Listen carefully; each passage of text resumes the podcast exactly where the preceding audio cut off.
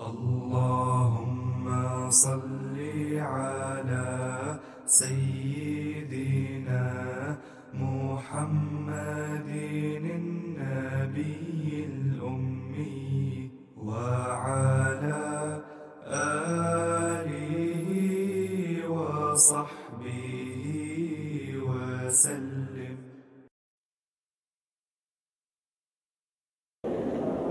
طيب اليوم نتوقف شوي. عن التفصيل. ونتحدث شوي في صلاح الدين. شوي. لأنه على فكرة 2 عشرة 2 عشرة سنة 1187 صلاح الدين حرر القدس. 2 عشرة. يعني لاحظتوا كان في آه نستنى عبين ما يخلصوا الناس. كان في محاولات هذا العام الاحتفال بذكرى صلاح الدين. وإذا بتلاحظوا يعني هذه المحاولات الاحتفالات بشكل عام ما كان لها صدى وما نجحت. حتى هيك كنت عم بنظر لبرنامج عن فيلم عن صلاح الدين قبل كم يوم. مش عارف في أي تلفزيون. حتى الشخصيه اللي اللي مختارينها مشان تكون صلاح الدين شخصية هيك توحي لك بال بالضعف وعدم الحيوية. شيء يعني عجيب.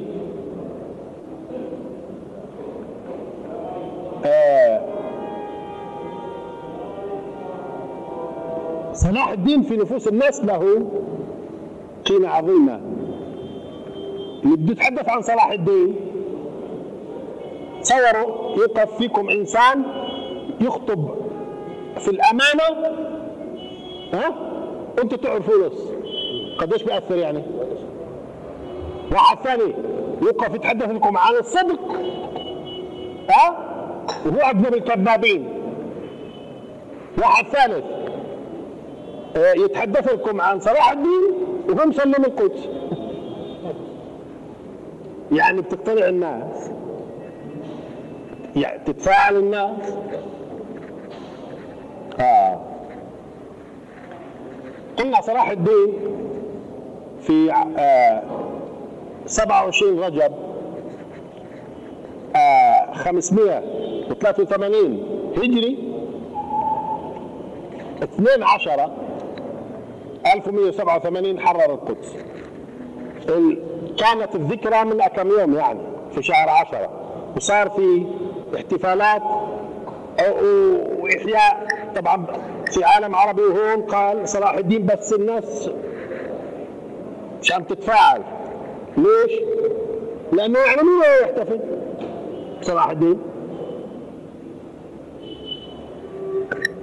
وهو صلاح الدين كيف بده الاحتفال إذا كان لابد يعني؟ طيب خلينا أيضا من هون نبدأ. شوفوا لما جاء الإسلام لما جاء الإسلام ونزل في أمة العرب الملفت للانتباه إنه خلقت أمة أمة فعالة إلى درجة عجيبة. يعني لم تعرف البشرية لها مثيل. لما إذا نزل الإسلام في العرب خلق أمة فعالة وحيوية إلى درجه إن البشرية لم تعرف مثيل لهذه الأمة. طيب ودولة الراشدين أقوى دولة في العالم. الأمويين العباسيين ومش القضية قضية قوة عسكرية. برضه كدول متقدمة حضاريا وبدأت العلوم تنتشر يعني الإسلام جاء وحول البشرية. تحول جذري. طيب بعد فترة ولأسباب مش وقتها وجدنا الأمة بدأت تترهل. يعني لما كانت مشدودة للإسلام لما كانت مشدودة للإسلام كانت عم ترتفع. لما آه، أصبحت علاقتها بالاسلام ضعيفة صارت تنزل وشدت والاسلام صعدت. لحد خفت علاقتها بالاسلام كانت تهبط. قبل ما يأتي صلاح الدين وقبل ما يأتي نور الدين زنكي وقبل ما يأتي عماد الدين زنكي وفي عصورهم حتى كان في حكام آه بيتحالفوا مع الأعداء. زي اليوم زي اليوم اولا كانت الأمة مقسمة وكل حاكم يحاول يستقل بولايته بعيدا عن الخلافة حتى الخلافة حتى دولة الخلافة كانت خلافتين. خلافة في بغداد عباسية ضعيفة مترهلة وخلافة في القاهرة فاطمية شيعية شيعة لهم خليفة في إذا الشيعة لهم خليفة في القاهرة برضه ملوش وزن وضعيف. والسنة لهم خليفة في بغداد لا قيمة له. وكل واحد يستقل بسلط- بسلطنة من من السلطنات أو ولاية من الولايات. كثرت بعد ما كانت الأمة دولة واحدة جسم واحد تكونت دويلات يعني اليوم الدويلات اليوم أقل. عددها. كنت تجد سوريا عدة ولايات ودويلات. العراق عدة ولايات ودويلات. الأردن إلى آخره. وكانوا الحكام من أجل المحافظة على الكراسي يتعاونوا مع الغرب مع الصليبيين.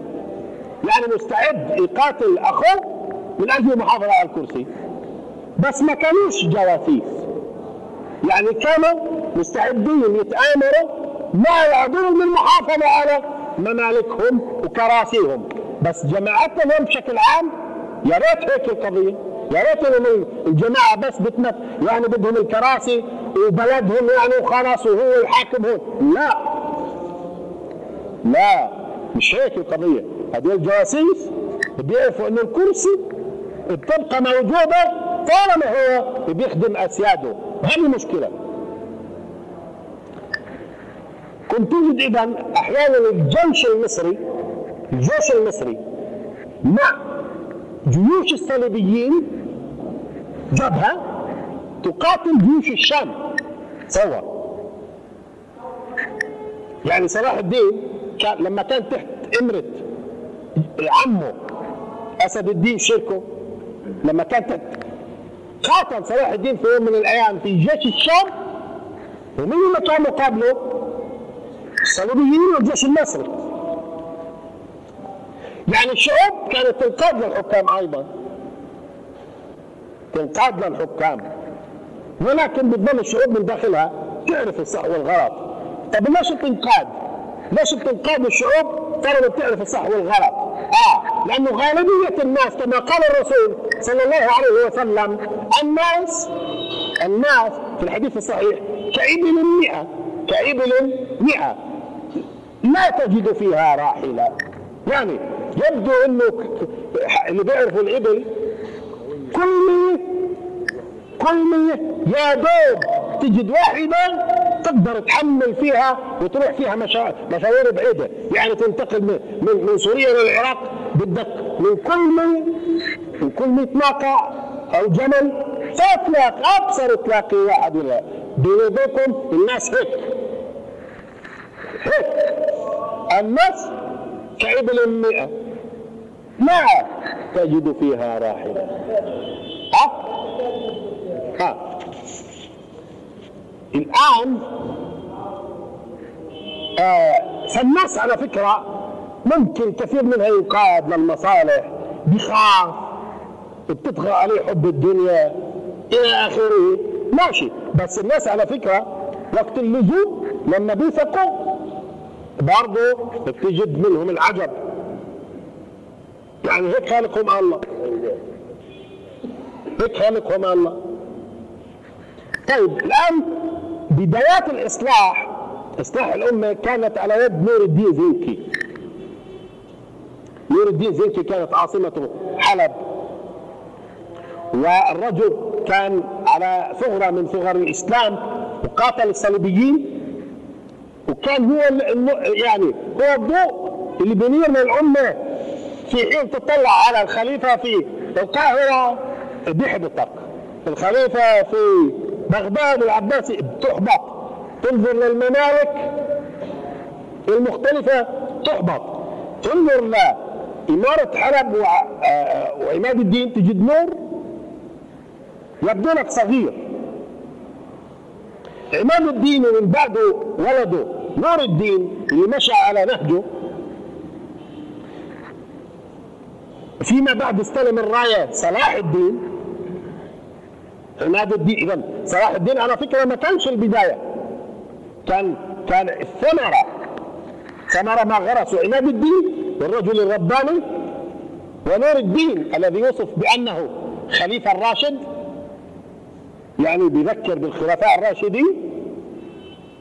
عماد الدين الرجل الصالح اللي ولده جاء نور الدين اللي وصفه البعض بأنه خليفة من الخلفاء الراشدين مع إنه لم يكن خليفة أصلا. الخليفة كان نايم في بغداد كان نايم في بغداد لكن هذا سلطان على ولاية معينة هو اللي حمل الرايه لقتال الصليبيين والدفاع عن الأمة. لكن هم شو عملوا على فكرة؟ عماد الدين ونور الدين زنكي وصلاح الدين. أنتوا تتصوروا إنهم هم يعني صاحوا في الأمة صيحة وجمعوا هالجيوش وحرروا؟ لا. لا. سنين طويلة. سنين طويلة وهم لحظة. بيبعثوا في الناس روح الإسلام. بينشئوا المدارس. بيبنوا المساجد. نور الدين زنكي. أول من أوجد ما يسمى بدور الحديث. الآن بدهم يبعث يبعث الإسلام في روح الأمة. لاحظوا حاول أيضا إدارة إدارة الولاية تكون على أسس إسلامية. التكافل الاجتماعي. يعني بدي الناس يشعروا إنه الحاكم بينتمي لهم بينتمي لهم وبده يحل مشاكلهم. في أيام صلاح الدين سبق قلت لكم إذا بتذكروا في أيام صلاح الدين كانت الناس بتجد الحليب في الشوارع صنابير تفتح تأخذ وبتروح بدون مقابل. يعني لما سبق وتحدثنا عن أنواع الاوقاف اللي كانت في عصورهم كنوع من التضامن الاجتماعي. في زمان صلاح الدين كنت آه، آه، اليوم لما بتصير أنت في شوارع القدس القديمة بتشوفوا السبيل القديم هذا اللي كان آه، يعني مشان اللي مارق يشرب مي في أيام صلاح الدين مش بتشرب مي في برضه صنابير أو أو خزانات وفي النهاية في حنفيات. بتفتح بتنزل لك حليب بتفتح بتنزل لك مي محلى فيها سكر مشان تحمل الحليب وتأخذ مع اطفالك بدون مقابل. وقلنا آه، آه، لو كانت هذه الخزانات اليوم في أيامنا محطوطة في الشوارع كان ما بتستيقظ الصبح وفي قطرة. ليش؟ الكل يهجم الفقير والغني. ما هي ببلاش. لا ما كانوش هيك هم. ما كانوش هيك. صلاح الدين كما نور الدين عماد الدين صلاح الدين اولا عملوا إصلاح على مستوى الفكرة الإسلامية وعودة الناس إلى الله. وهذا أخذ على فكرة مدى وبذلوا جهود جبارة في هذا الباب. الآن اوجدوا تكافل اجتماعي ونهضه اقتصادية في البلد. نهضة اقتصادية ركزوا على دين الناس وأخلاقها. لحظة. القوة العسكرية كانوا يبنوا قوة عسكرية. برضه مطلوب. مش هيك؟ المهم كان إمام الدين زنكي نور الدين زنكي صلاح الدين هذول الثلاث بدهم يعملوا ابتداء النهضة بالأمة حتى يقدروا يواجهوا عدو هائل القوة. كل أوروبا كانت جاي. كل أوروبا دول بكاملها زاحفة. على العالم الاسلامي وعلى فكرة أوروبا أكثر من مرة كانت يعني تضغط في عدد سكانها وتنفجر. وكانت انفجاراتها في اتجاه الشرق حتى امكن انه يكون في اكتشافات جغرافية فيكون الانفجار نحو الغرب. بعد ما اخذ الدرس من صلاح الدين ما قدروش ينفجروا شرق. إلا على زماننا آه انفجروا غرب. فيما يسمى الاكتشافات الجغرافية. شو اللي منعهم؟ يردوا يرجعوا. تجوا صلاح الدين. إيه إذا صلاح الدين آه آه لحظة عماد الدين نور الدين صلاح الدين سنوات طويلة وهم ببثوا في الناس روح الإسلام والتدين الحق ويقضوا على المذهبيات ويقضوا على التعصب المذهبي. لأنه على فكرة التعصب لمذهب التعصب لمذهب هذا تخلف. التعصب لحزب تخلف. الأصل ولاء ولاء الإنسان المسلم للمسلمين. بغض النظر الاحزاب ضرورات ضرورات ولكن لا يجوز أن تكون إيش؟ حواجز. المذاهب ضرورة يكون في اجتهاد وفي مذاهب. أما التعصب للمذهب هذا دليل تخلف ودليل انحراف. ولذلك لما بتشوفه متعصب افهم إنه ما في خير. حتى لما بتشوفه قال متعصب يعني انه هو بالمذهب الفلاني بده يعلم الناس الدين. شيء حاله هذا لا خير فيه. ولا بيصلح. الأصل ولاعك للامه كيف؟ كان في الصلاة الشافعية ما يصلوش مع ولاعك للأمة المسلمة. للأمة. أما أحزاب فضرورة لتنظيم الناس. ماشي. إيه؟ اجتهادات فقهية برضه ضرورة الاجتهاد مطلوب لأن التقليد ممنوع. لما تصير تقلد ونغلق باب الاجتهاد معناته بدل نتخلف لذلك من الأسباب من الأسباب في تخلف الأمة قالوا إغلاق باب الاجتهاد. لما لما بنصير نقلد يعني واحد زي الشافعي كان ما يقبل منك إذا عندك قدرة على الاجتهاد تقلد كذلك أبو حنيفة كذلك مالك كذلك أحمد بن حنبل. كل واحد. يعني أحمد بن حنبل تلميذ الشافعي. مع ذلك أخذ من الشافعي وترك ما قلدش آه فلما بتصير تقلد معناته في تراجع. لما بتتعصب مذهبي معناته أنت عم تتراجع. ال- الآن آه، زمن نور الدين آه، عماد الدين نور الدين صلاح الدين. كان في إصلاحات هائلة. وبعث في الأمة روح الإسلام. نهضه اقتصادية. اوجدوا تضامن اجتماعي. طيب وكانت الامه ممزقه وحدوها بالقوه إذا بدك تست... إذا بدك تستنى الحكام؟ آه لا مش مستعدين. لذلك بدأ التوحيد بالقوة من أيام عماد الدين وكملها نور الدين وتوجها صلاح الدين. صلاح الدين على فكرة من وقت ما استلم السلطة من عمه بعد ما توفي عمه في مصر وعلى فكرة له قصة جميلة بس أنا عشان سبق أعطيتها درس وقصة طويلة وفي بعضكم قائد. على كل بذكر بعض اللمحات بعض اللمحات وجيد بهمش يعني ما يأخذونيش الناس اللي شوي كانوا سامعين القصة عدة مرات. بدي أرجع رجوع سريع رجوع سريع. وأوصل. آه. رجل يقاتل. جيشين بتقاتلوا جيشين مسلمات. ولا بأس على فكرة يتقاتلوا جيشين مسلمات. لأنه أكيد في واحد منحرف. أكيد في واحد منحرف. أو اثنين منحرفين أه؟ ال بتقاتلوا. واحد منهم اتضعضع رجع. الأول اللي بدأ ينتصر سلاجقة. أتراك ملك سلجوقي. مين اللي عم بتراجع؟ عماد الدين زنكي الرجل الصالح. مش هو الرجل الصالح بتراجع؟ يعني بتراجعش؟ أنت لما تقرأ الحروب الصليبية على فكرة وتشوف اللي حصل. شيء يشيب له الولدان. يعني ما تظنوش إنها كانت كلها حطين ما تظنوش إن المسلمين يعني ما دفعوش دماء غالية. ما من وقت ما دخل صلاح الدين جنوب بحيرة طبرية ها؟ جنوب بحيرة طبرية ودخل فلسطين. قاتل في فلسطين خمس سنوات كاملة بدون توقف. خمس سنين هذا فلسطين لحالها. وكان مقاتل قبلها عشرين سنة العرب. يعني قاتل 20 سنة العرب ووحد بالقوة. وكسر روس التافهين. ها؟ كنت كانت لهم دماء الأمة وما بيصير بيصيرش. يعني خلي هالجواسيس قاعدين وخلي الشعوب جاج مزارع. هيك المطلوب ها؟ الآن صلاح الدين 20 سنة. ولأنه على فكرة تولى السلطة. 32 توفي ابن 57 تولى السلطة. 32 في مصر 32 سنة. وتوفى عمره 32 يعني كان. وتوفى ابن 57 يعني كم سنة؟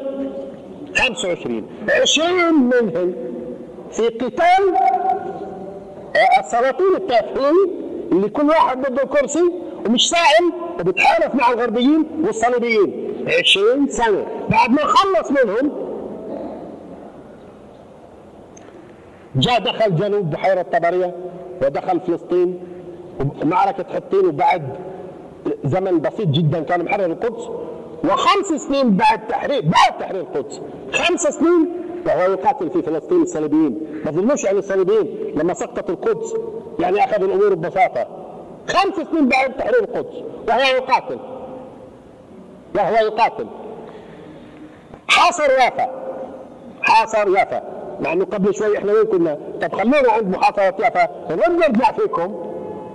لا عماد الدين وهو يتراجع أمام مين؟ الملك السلجوقي. طب ليش؟ طب هذا البطل الصالح ليش ما الله ينصره؟ ما هو بينصره. بس الرسول صلى الله عليه وسلم في أحد حصل نكسه شك؟ وفي في وفي وفي شك؟ ما مش اشكال مش إشكال. مش إشكال. مش زي اللي العرب اللي ما قاتلوش بالمرة بل كانت كلها عبارة عن معامره عليهم. كنت قال لك يا عمي؟ شو نعمل القوة تعمل شيء شيء تعمل القوة شيء لا. أما ما عملتش القوة الإسرائيلية. يعني إسرائيل وجدت بدون قوه إيه أما قوه عيب هاي قوه عيب. طيب المهم.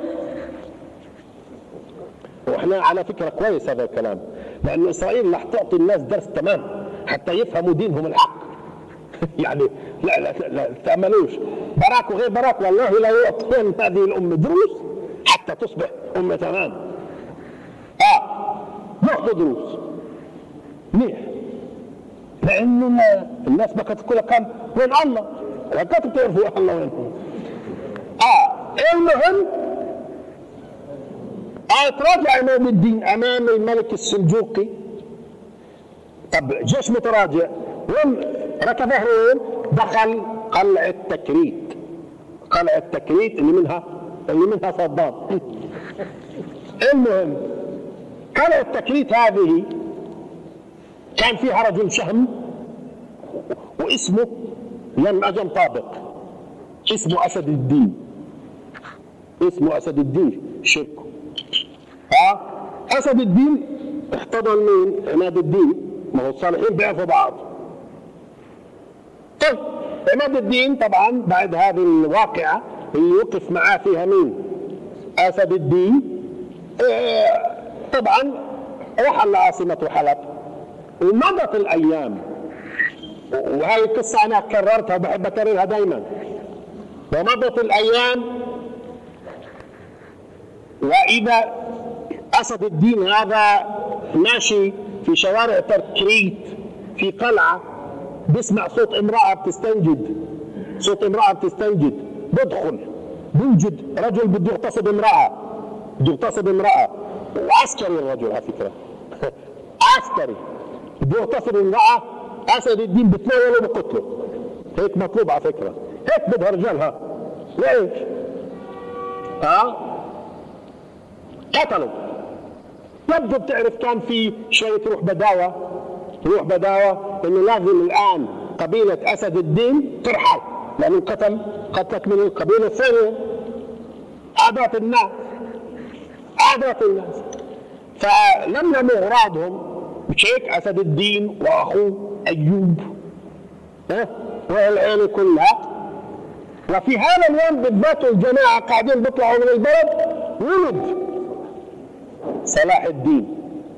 ولد صلاح الدين. فتشائم منه أبوه. لأن الولد وانت في اليوم اللي هم بيغادروا فيها أرضهم وبلدهم. ولد صلاح الدين الآن وين بدهم يروحوا الجماعة؟ وين يروحوا؟ تذكر أسد الدين تذكر مين؟ عماد الدين وين ولد في حلب ذهب لحلب استقبلوا آه، عماد الدين استقبال حافل ووضعوا قائد للجيش وصلاح الدين الصغير هذا كان يمه بجنب مين؟ عمه الأسد عمه الأسد مش عمه الثعلب ولا عمه الضبع. أسد الدين. كان ينشأ بجنب عمه الأسد. أسد الدين شركه. أسد عن جد يعني. المهم شوفوا كيف الله. المهم أنتم انتبهوا لتخطيط القدر ها؟ إنه عماد الدين ينهزم أمام الملك السلجوقي اذا الهزيمه كان وراءها ما وراءها. كان مشان يلتقي مين؟ أسد الدين مع عماد الدين. شوف ها أنت الأول واحد بتقول هزيمه بنهزم عماد الدين. لكن هذه الهزيمه شو كانت؟ جمعت اثنين الأبطال. جماعتهم عماد الدين وأسد الدين. لما بتضايق أسد الدين وين بروح؟ لعماد الدين. هذاك طبعا رجل صالح وفي. بيحتضنه قائد الجيش الآن الولد اللي اللي ولد في هذا اليوم الصغير ها؟ ورحل مع عمه من أول يوم رحل. شو كان سبب الرحيل؟ سبب الرحيل رجل تافه يريد اغتصاب امرأة ويؤدي إلى تحرير القدس. رجل تافه بده يغتصب امرأة فتحررت القدس. البشر بيقدروا يجمعوا الخيوط يعرفوا إيش الحدث. رجل رجل يريد يغتصب امرأة كانت بداية تحرير القدس. ها؟ فإذا شفت رجال يعني شادين من هون ومن هون ها بيجوز هذا يؤدي إلى القدس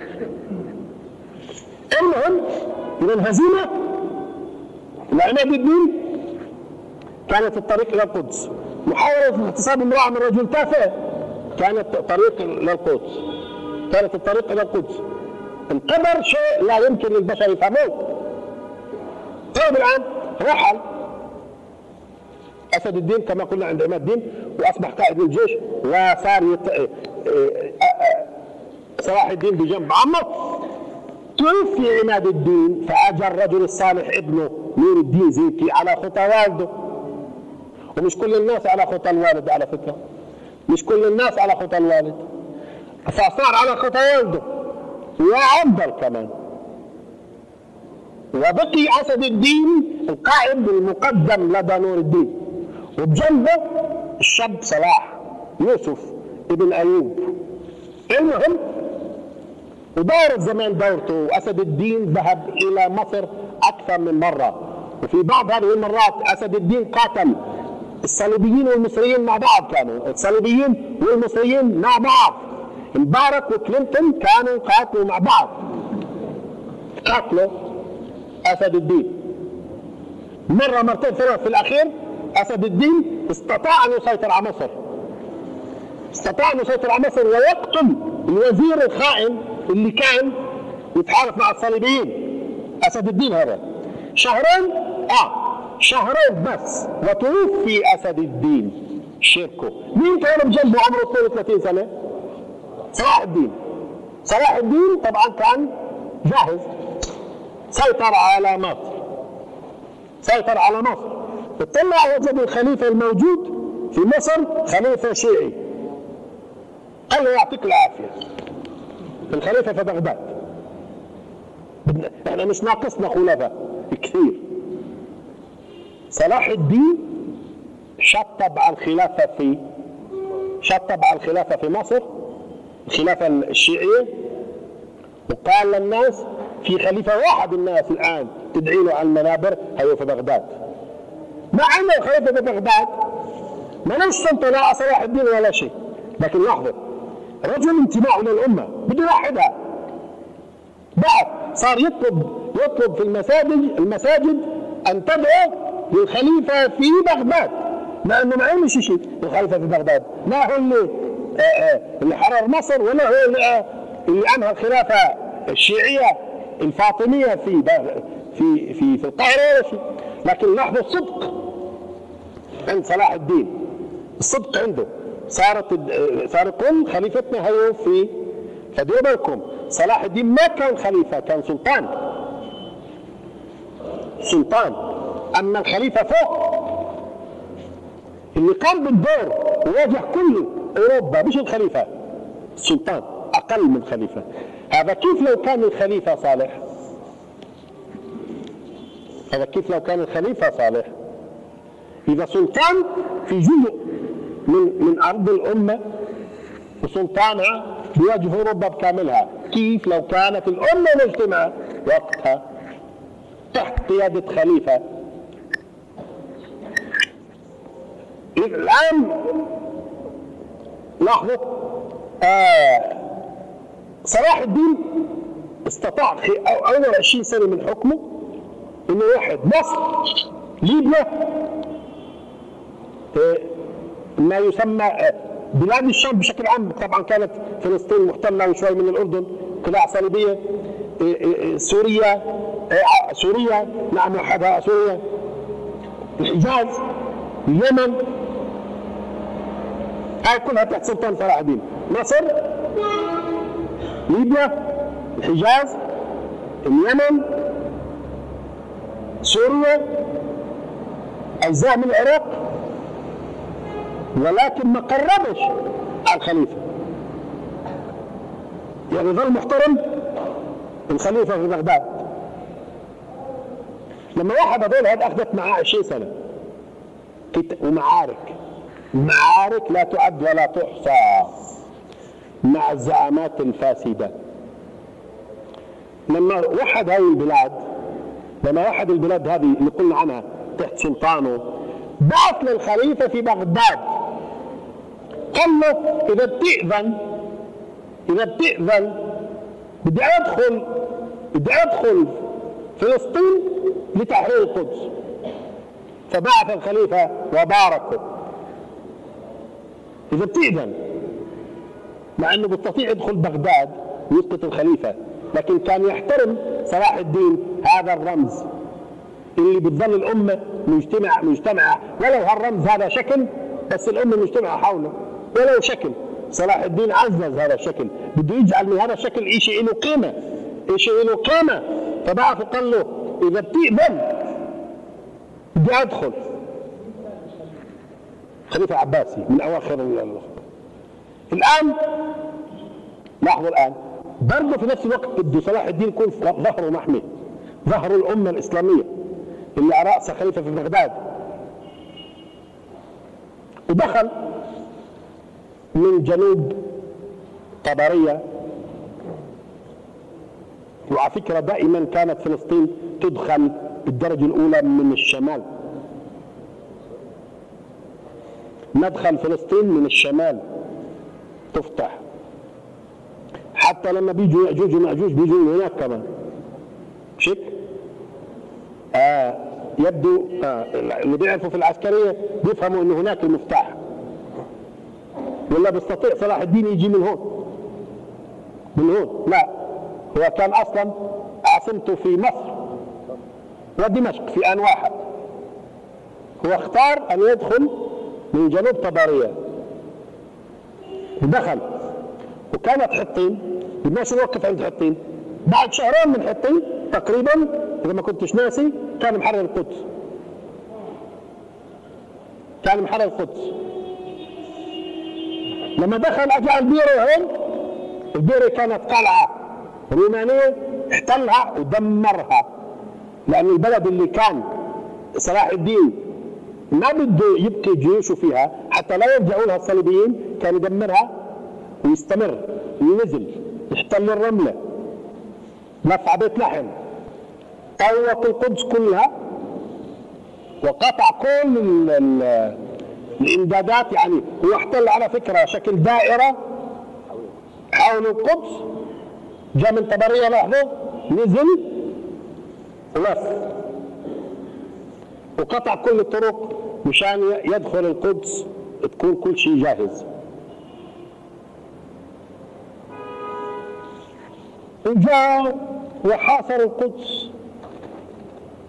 قالوا له الصليبيين أنتم بتعرفوا الصليبيين لما دخلوا القدس؟ خلينا نرجع شوي صغيره ل 1099 ميلادي. 1099 ميلادي.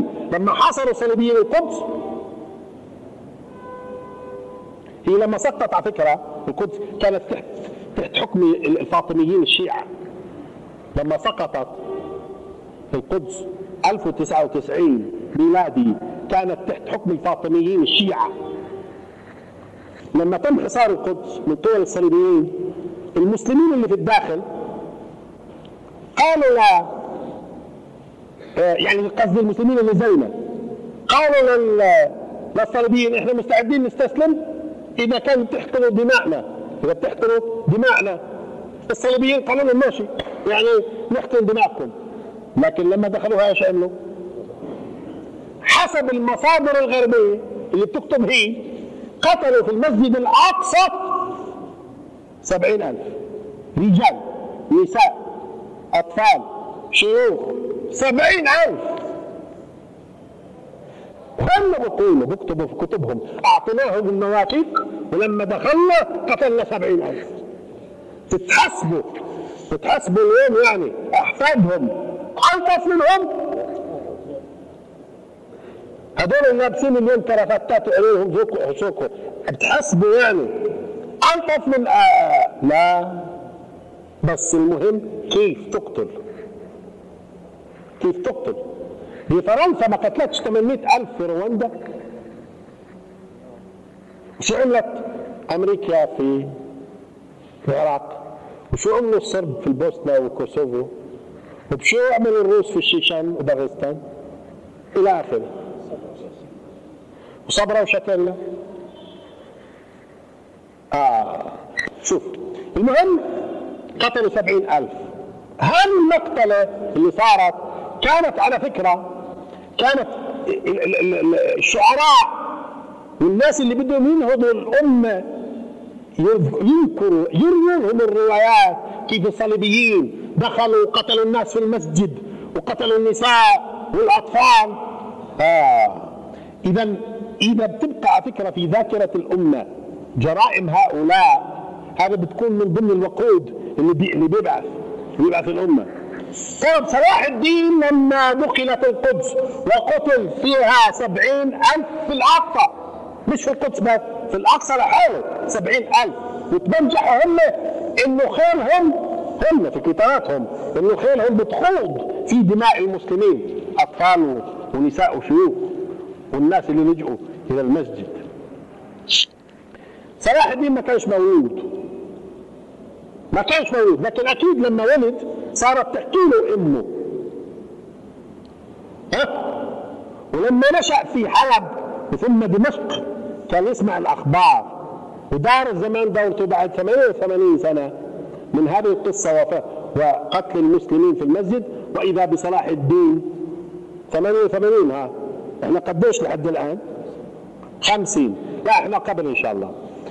الآن ال- لا لأنه على فكرة النهضة الآن أنا أراها أقوى بكثير من زمان. بس الناس بيحاولوا يفهموكم بالعكس. الآن واذا بصلاح الدين بحاصر القدس. اطلوا الصليبيين يفاوضوا صلاح الدين. قالوا اسمع. إحنا مستعدين نسلم؟ مقابل حق دمائنا وأموالنا. قال لهم لا إحنا ندخلها بالقوة وأنتم تقاتلوا وإحنا نتصرف بعدين. أما ندخلها سلام لا. شو يعني قد صلاح الدين؟ آه قد صلاح الدين اللي حصل قبل 88 سنة. لازم الآن آه طب صلاح الدين كان بإمكانه يقول لهم آه آه افتحوها. سلم. ويدخل يعمل زيهم. لا هذا رجل مسلم. يعني في مبدا قالوا له آه، من سلمك البلد بدون قتال. قال لا بتقاتلوا. واليوم بيحاولوا يفهمونا قال في الحلقات اللي بيجيبوها قال في التمثيليات إنه لا صلاح الدين كان رجل أبسط من هيك. قال لهم بتقاتلوا بعدين ندخلها نحن ونتصرف. قالوا له اسمع إذا ما بتقبل إذا ما بتقبل نفتحها يعني نستسلم إحنا. شوف شوف نقتل أولادنا ونسواننا نقتل الأطفال والنساء. بعدين نخرج نقاتلك شوف بيهددوه في إيش؟ شوف بيهددوه في إيش؟ قالوا له نقتل اولادنا أطفالنا ونسائنا بعدين نقاتلك الله أكبر. هو بعدين صلاح الدين يتحمل دماء الأطفال. شفتوا في إيش هددوه شوفوا صعاليك اللي بيحكموكم الآن في العالم العربي الإسلامي مستعدين يدوسوا أطفالكم ونسائكم بس الموكب ما يضربش brake. بس موكب الواحد فيهم؟ ما يضربش brake؟ بداس أولادكم وأطفالكم. وفي زماناته المغفور له الح- الحسن في المغرب كان يقول أنا بتخلى أنا مستعد أضحي بثلث الشعب ال- المغربي يعني مش هيظل كرسي وفي رواية ثانية ثلثين يعني بيكتفي بثلث الشعب ويبقى الكرسي.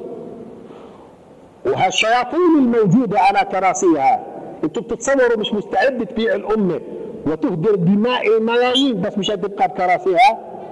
الشياطين اللي بتحكمكم ومع ذلك آه هم الأبطال هم الأبطال. شوف أبطال هزائم ومع ذلك بيفتخروا بطريقة عجيبة. إذا بتفتح على راديو دمشق صاحب هزيمة 67 وإذا به البطل الأعظم الذي لم يعرف التاريخ له صلاح. الآن آه بتفتح إذاعة عمان برضه لا صلاح الدين ولا طلع وابطال هزائم مين اللي سلم لبنان؟ طيب. بتفتح على عمان؟ الله يكفيك. لما كان كلهم أبطال. وكلهم ما خلق الله مثله طب ما في مثلك على الحدود هاي. وكلهم 99 19 وأخيرا يتواضعوا. وصار 93 صاروا يتواضعوا. شفتوا؟ الشياطين التي تحكم قلوبها قلوب شياطين وصورها صور إنس صور إنس. هذول شو جابهم صحيح ال- الكلام إحنا من وين ميلنا؟ كيف؟ كان صلاح الدين آه قانون نقتل الاطفال أطفالنا مش أطفالكم ونسائنا. فقبل صلاح الدين وبديش أكمل. طبعا بلاش إنه هالكيت يعني تحكوا على صلاح الدين من كثر ما كان متسامح. ما قتلش ولا واحد. مش بس ما قتلش وحمى حمى الصليبيين من الصليبيين. على كل هو لم يخسر لأنه هذا الرجل كانت قوته تكمن في مبدأه وأخلاقياته قبل إصلاحه. هذا الرجل كانت قوته تكمن في مبدأه وأخلاقياته قبل إصلاحه. والأمة اللي كانت من قبله هباء صارت أقوى امه في العالم مين اللي كان أقوى؟ إذا كل أوروبا اجتمعت وتحطمت هنا على صخرتهم الأمة اللي كانت لا قيمة لها صار لها قيمة كيف؟ لأنه ديروا بالكم يبقى في هذه الأمة سر بسهولة يمكن توحيدها إذا وثقت خصوصا إذا نفخ فيها روح الإسلام وسبق آه، برضو ذكرنا ضمن قصة صلاح الدين إنه كان من عادة الناس وتسألونيش ليش؟ هيك عادتهم. إذا مات والي مات سلطان إذا مات سلطان في بلد وأعلن عن موت السلطان الناس تجشع إذا صح التعبير وتنهب الأسواق. تنه- تنتهب الأسواق. هذا كل ما مات سلطان بينتهب السوق سوق العاصمة. لما يقال مات السلطان تنزل الناس بالآلاف وتنهب الأسواق وكأنه شيء حلال عم هيك الأصول. هيك الأصول. مش مات السلطان؟ سنة حكم قبل ما يجي بعده تنهب الأسواق. لما مات صلاح الدين في دمشق. لما مات صلاح الدين في دمشق. ترددوا شوي يعلموا للناس عن موته. ترددوا. خافوا من إيش؟ تنهب الأسواق. خافوا. يعني بتعرفوا؟ بترددوا لأنه الآن يعني راح يصير فوضى في البلد.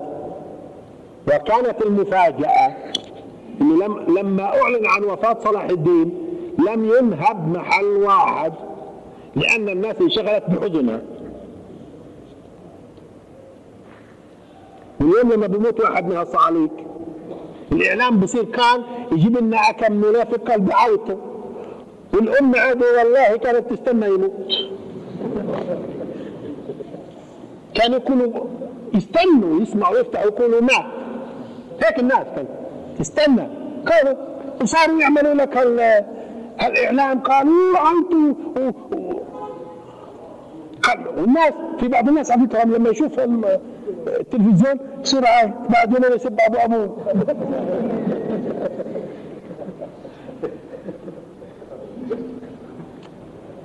صلاح الدين ما كانش يتظاهر في الإعلام. صلاح الدين 25 سنة يرفض أن يستظل بظل سقف كله في الخيم. لأنه من معركة لمعركه من من. من سهوه الجواد للخيمة يتريح والآن بيجيبوا لنا تفهيم قال بيمثلوا صلاح الدين شخصيات هزيلة. عشان الشخصيه المشرقة في نفوس الأمة. ها؟ ملهمه ملهمه بدهمش اليوم يسمعوا الناس. صلاح الدين. صلاح الدين بتصير بكرة مستهدف. صلاح الدين بصير يكتبوا عنه تاريخ مدور مشان يهزوا زي ما بيحاولوا يهزوا شخصية الملاحدة والماديين والعلمانيين بيهزوا شخصيات الصحابة في نفوسنا فبصيروا يزعموا ويتلقوا من التاريخ ما شاءوا عن الصحابة وبتقاتلوا الصحابة وكانوا كذا الصحابة آه، مشان إيش؟ مشان إيش هذا كله؟ مشان إيش؟ مشان كل هذا الأمة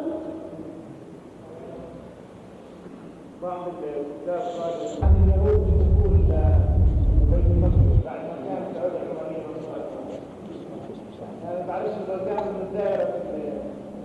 على أي حال لو أنا بدي أفترض إنه صلاح الدين سمح لليهود يدخلوا القدس وشو المانع يعني؟ إذا كان هم اليهود ناس إلهم إلهم مكان مقدس بدهم يحجوا له اللي هو القدس مثلا. إيش مانع؟ فيش إشكال في الباب يعني مش مطعن واللي ممكن يطعن ب- في هذا الباب هم الناس اللي سلموا القدس. هي الشغله شكليات انهم دخلوا اليهود القدس وصلوا ما صلوش شو شو المانع اليهود يصلوا؟ شو المانع؟ لكن اليهود شو بيعملوا اليوم؟ اليهود شو بيعملوا اليوم؟ اليهود مش واجدين لهم جذور في الأرض. مين اللي حدثنا هذيك اليوم؟ قال فلان آه حدثوا حدثوا عن عن واحد من, من, من, من إخواننا في فيما يسمى قال اليوم عرب الداخل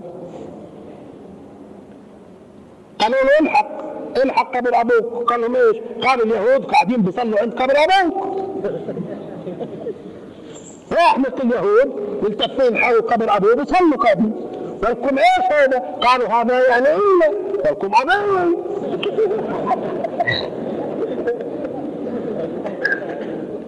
وراحت للمحكمة العليا عبال ما جت الشهود وكذا إلى آخره. واما قبر ابوه تفلتوا المسألة. أو أظن قالوا إنهم قسموها. لا اللي قسموها كيف الحارس هذيك. هذيك شيء ثاني؟ بس هذا قبل أبوك آه آه لأنهم هم على فكرة بيصطنعوا الأمور اصطناع ومستعدين. ها؟ ي- يصلوا لاي حجر يصلوا اليوم لاي حجر مشان يقولوا هاي ولو كمان بيحرفوا. في كتابة الحجارة وبيرموها في أماكن وبيقولوا اكتشفناها. بصير كان ها؟ بصير. مشان قال يثبت انه قال كان في وجود. أنا اذا بدكم تقدسوا القدس قدسوها بس شو علاقة تقديس القدس؟ بمسألة الحق. هذه بلد عربي مسلم. إيه بلد عربي مسلم. ها؟ المسيحية طول عمرهم أيام صلاح الدين ما منعش انهم يجوا يحجوا للقدس. بعد ما فتحها بعد ما فتح القدس ما منع. الصليبيين يجوا يحجوا للقدس. ولكن كما تعلموا وقتها احتياط من صلاح الدين شو عمل؟ عمل. النبي موسى والنبي صالح. في نفس وقت أعياد الصليبيين. آلاف مؤلفة من المسلمين بتكون جاهزة في منطقة الرملة وآلاف مؤلفة في الخان الأحمر مشان إذا الصليبيين بدهم ي- يستغلوا حجهم للقدس يتم الإطباق على القدس. آه، صلاح الدين لما حاصر يافا هاي اللي تركناها لما حاصر يافا بقى على فكرة ضايل شريط ساحلي من عكا إلى يافا آخر حياة صلاح الدين كان محرر فلسطين كلها. بقي شريط ساحلي من يافا إلى عكا. طيب الآن زحف على يافا حاصرها. وفي اللحظة المناسبة لما أصدر أوامره بالهجوم على يافا اكتشف بأنه جنوده بتمردوا جنوده بتمردوا خير قالوا له إحنا عندنا خمس سنين بنقاتل وبعدين بعدين؟ يعني لما يغيبوا عن عيالهم خمس سنين. وعن نسوانهم خمس سنين. أولادهم بلادهم. ها؟ يعني وبعدين خمس سنين. تتصوروا خمس سنين؟ قتال فالرجل برضه تنسوش كان حكيم. في هذا الوقت كانوا الصليبيين مقدمين له عرض بصلح. عرض بصلح. بصلح.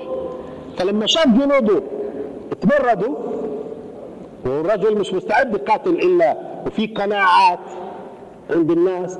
يبدو الناس لما شافت القدس تحررت قالوا لو شو المانع نتريح شوي؟ لما شافوا القدس تحررت قالوا شو المانع نتريح شوي؟ نحن جايين عبالنا نتريح من اصله سيات حررت القدس قامت تحررت وكأنه يعني تعبنا. كأنه تعبنا. قامت رايح قديش كانوا يخوضوا العرب المعارك؟ ست أيام. ست أيام. وبعدين يقول لك حرب؟ حرب؟ طب ما هو؟ ما هو الروس. قبل سنين دمروا جروزني بكاملها في الشيشان. دمروا جروزني بكاملها في الشيشان. وقعدنا أشهر طويلة نسمع. الروس في جرو- في جروزني الش- الشيشانيين في جروزني الروس في جروزني الشيشانيين يعني أخذ ورد دخول خروج دخول خروج دخول. يعني الجيش الروسي يطلع الش- الشيشاني يدخل الجيش الروسي والعكس ويروح جيش شد أشهر طويلة. وروسيا دولة أمة. هذول من أول من أول ضربة قال كل السلام عليكم. طيب والحرب الثانية اللي كنتوا فيها متصلين برضه قد إيه؟ طب إحنا بنسمع سمعنا بحروب. هي ما شاء الله على البوابه الإيرانية كان ثمان سنين بقاتلوا. ها؟ ثمان سنين بقاتلوا. ومستعدين في أي مكان في العالم يقاتلوا 20 سنة ويسحبوا وراها الشعوب ويذبحوها فيش اشكال اما مع إسرائيل لا يوم يومين ساعة ساعتين إيش؟ ها؟ انتهى الوقت؟ انتهى انتهى آه، فقبل صلاح الدين عرض الصليبيين أن يعمل هدنة وليس صلح هذه الهدنة مدتها ثلاث سنين وثلاث أشهر. ثلاث سنين وثلاث أشهر بس مش صلح. كانوا زمان ما يفرقوش بين أحيانا صلح وهدنة لكن العبرة بالشروط من ضمن هذه الشروط انه هذا صلح لقديش؟ بس ثلاث سنين. اذا معناته صلاح الدين شو كان ناوي؟ وإلا كان خلاص بيوقع وخلصنا. لا ثلاث سنين وثلاث أشهر.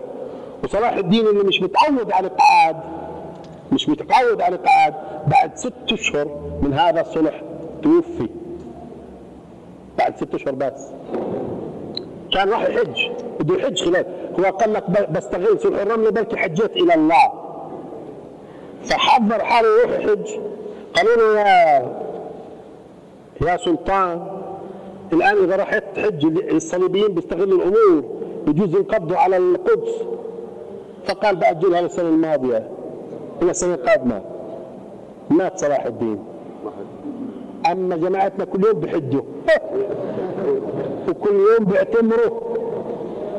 ها؟ واخر دعوانا الحمد لله رب العالمين. وبارك الله فيكم. اللهم صل على سيدنا